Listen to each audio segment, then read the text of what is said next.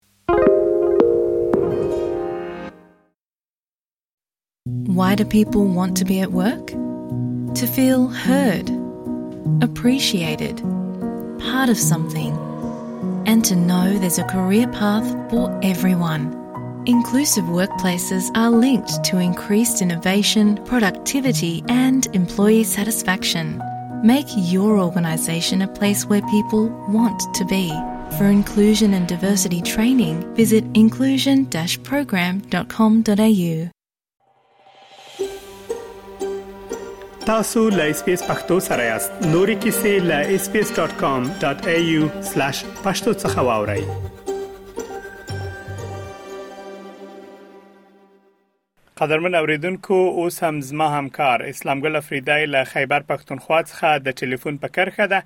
له هغه څخه به په پا پاکستان کې د ورستیو پیښو په اړه جزئیات پورو افریدی صاحب ډیره زیاته مننه په پیل کې مهرباني وکړه او له اوریدونکو سره په پا پاکستان کې د ورستیو پیښو په اړه معلومات شریک کړه مننه منیسب د دې ونې چې کوم دوه لوی خبرونه دی هغه یو 13 ورځ د باجوړ کې چې دی د په انتخاباتو کې برخه اخیستونکي کاندید ریحان زیب باندې چې دی وسلوال برید شوی دی چې دی پکې وجل شوی دی دغه شانتي په چمن کې هم په انتخابي د عوامي نشنل ګوند په انتخابي دفتر باندې چې دی غبرید شوی دی چې دغه یو فعاله غړي چې هغه پکې وجل شوی دی دغه شانتي دویم لوی چې کوم خبر دی هغه د دوه ورځې وړاندې چې د ایران د بهرنیو چارو وزیر د پاکستان سفر کړی دی او دا له هغه وروسته چې د دوه هیوادونو ترمنځ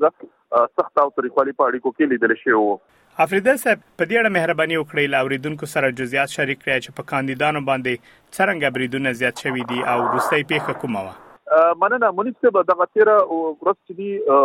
په د باجوړ په صدق آباد پټک سیمه کې چې دی هغه د د پاکستان تحریک انصاف ګوند چې کوم یو فعال غړی وو د غزي او په انتخاباتو کې د ولسی شورا یعنی د قامي اسمبلی او د ایالتي اسمبلی په دواړو څوکو باندې چې په انتخاباتو کې په آزاد حیثیت باندې برخه اخیسته ځکه چې دیتا ریحان زیب نوم یې ځوانو هغه په خپل انتخابي کمپاین په دوران کې دی په غوښتنه یو سلوال بریټ شوې دی چې پای کې دی په یو بل شو خورستو بیا چې دی د پروختون کې دی تا ورکړل او دا غینه ورستو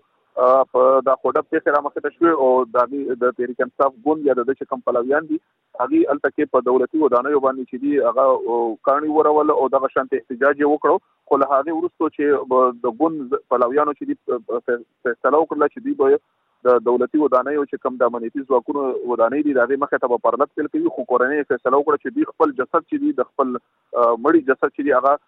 دلته کې خودل نه غواړي او پرلط نه کول غواړي بلکې دی زر تر زر چې دی خپل کور ته ولګي او دغه شانت نن د هغه لس بجې چې دی هغه د هغې د جنازې مراسم چې دی هغه په خپل پلارنې کلی کې چې دی هغه ترسره شول او د هغې نه وروسته چې دی د انتخاباتو خپلواک کمیسون په دغه دوه څوکو باندې چې دی یو د ایالتي او یو د صوبای چې کوم د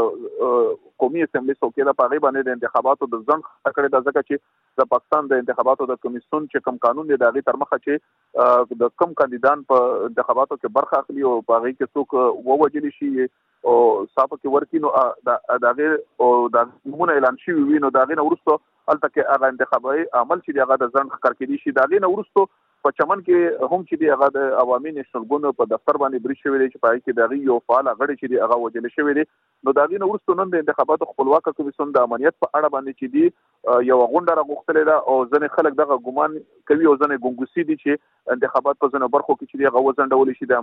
د امنیت د امنیت د ستونزې لامل خو لا تر اوسه پورې دا روښانه نه ده چې کومې سیمې دي او په کومو برخو کې به چې دي دغه انتخابات ځنډول کیږي البته چې په کومو برخو کې یا په کومو سیمو کې چې دي کاندیدانو کې کم کاندید وجل شوی دی یا مړ شوی دی په دې پروسې په دوران کې نو البته به چې دي د قانون تر مخه چې دي دغه انتخابات ځنډول کیږي اوس په بجوړ کې دغه پیښې نه ورستو چې دي هغه سخت خفګان لیدل کیږي هغه د ټولو ګوندونو چې هغه د عوامي نېشنل ګوند دی که د پاکستان مسلم لیګ نون ګوند دی که دغه شانتې په خپل باندې تحریک انصاف ګوند دی نو دا غي د ټولو لخوا چې دی په دې باندې سخت لوکل لکس العمل لیدل کیږي خو وجل شوی کاندید چې هغه په آزاد حیثیت باندې برخه اخیسته خو دې ته د تحریک انصاف ته ګوند لخوا چې دی هغه په لوي تو پر رسمي توګه باندې نو اصل یعنی د ټیکټ نو ورکړ شوی البته دی یو ډیر مقبول لیډر چې دی هغه په خپل سیمه کې ګڼل کېدو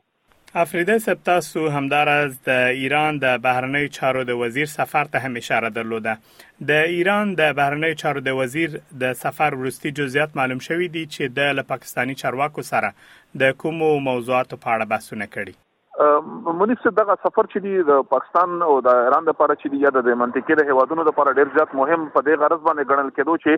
دغه دواړه ګاونډي او اسلامي هوادونه دي او د هغه ترمنځ تاوتریخوالي استوا شوې دي چې د یو بل پر خاوره کې چې دي هغه بریدونه کړی دي نو دا غي د نورستي د دې ډول هوادونو ترمنځ اړیکې ترنګلې شوې وي چې ورسره چې دي د خلکو په تګ راتګ او په تجارت باندې اغیزه پرې باسلې دي نو دا غي نورستو د پاک د ایران د بهرنیو چارو وزیر چې هغه د پاکستان ته دراتلو فیصله کړې و او دغه شانتي د پاکستان سفر یې وکړو او د موقته ادارې چې اوس کوم د بهرنیو چارو وزیر دی جلیل عباس جیلاني د دوی سره لیده کتنې وکړلې او دوی په دوو دریو مهمو ټکو باندې خبرې وکړلې چې په هغې کې یو خبره دا ده چې په ګډه باندې د ترهګرۍ د مخنیوي لپاره چې پاکستان تورونه لګوي چې ځنې وسلوال چې په ایران کې فعالیت لري او په پاکستان کې بریدونه کوي دغه شانتې ځنې وسلوال ډلې چې دي چې په ایران تور لګوي چې هغه په پاکستان کې فعالیت لري او دغه شانتې په ایران کې وسلوال بریدونه ترسره کوي نو دا غي د منځ د وړلو لپاره چې دی یو ګډه مبارزه خبره وشو دغه شانتې په پوله باندې چې دی د دوو دغه څه کمیټو د فعال کېدو د یو اړخ او بل اړخ ته د فعال کېدو خبره وشو چې هغه ترهګری د منځه د وړلو لپاره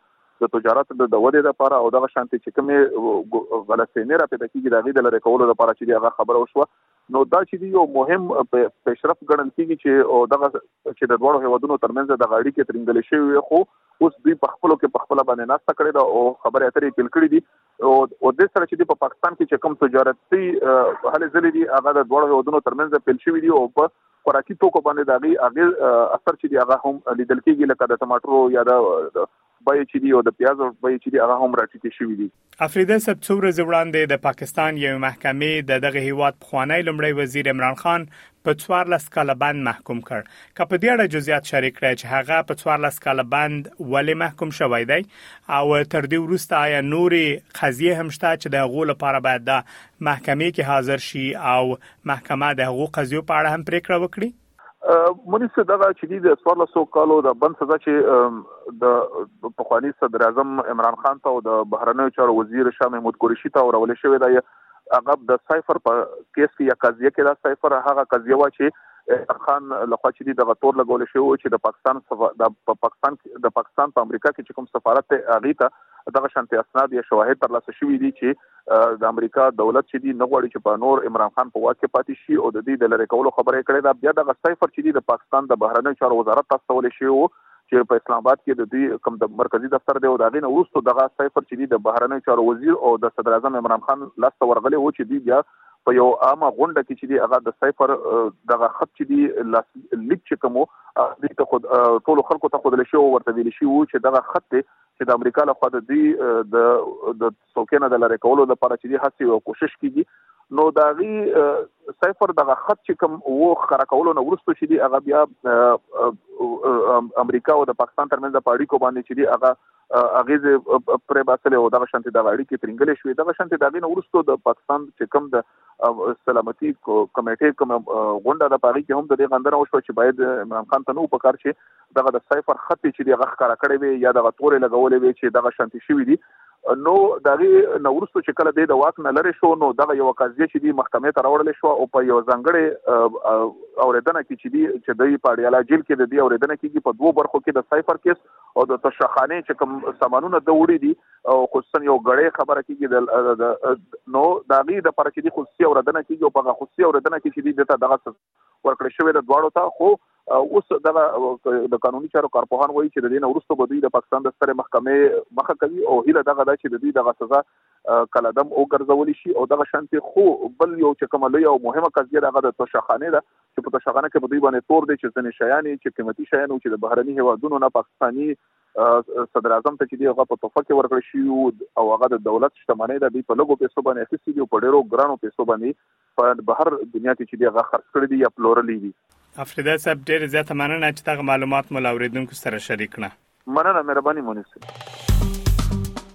اس پی اس پختو په فیسبوک کې تا کې پلی مطلب یو فاک کړئ نظر ور کړئ او له نورو سره شریک کړئ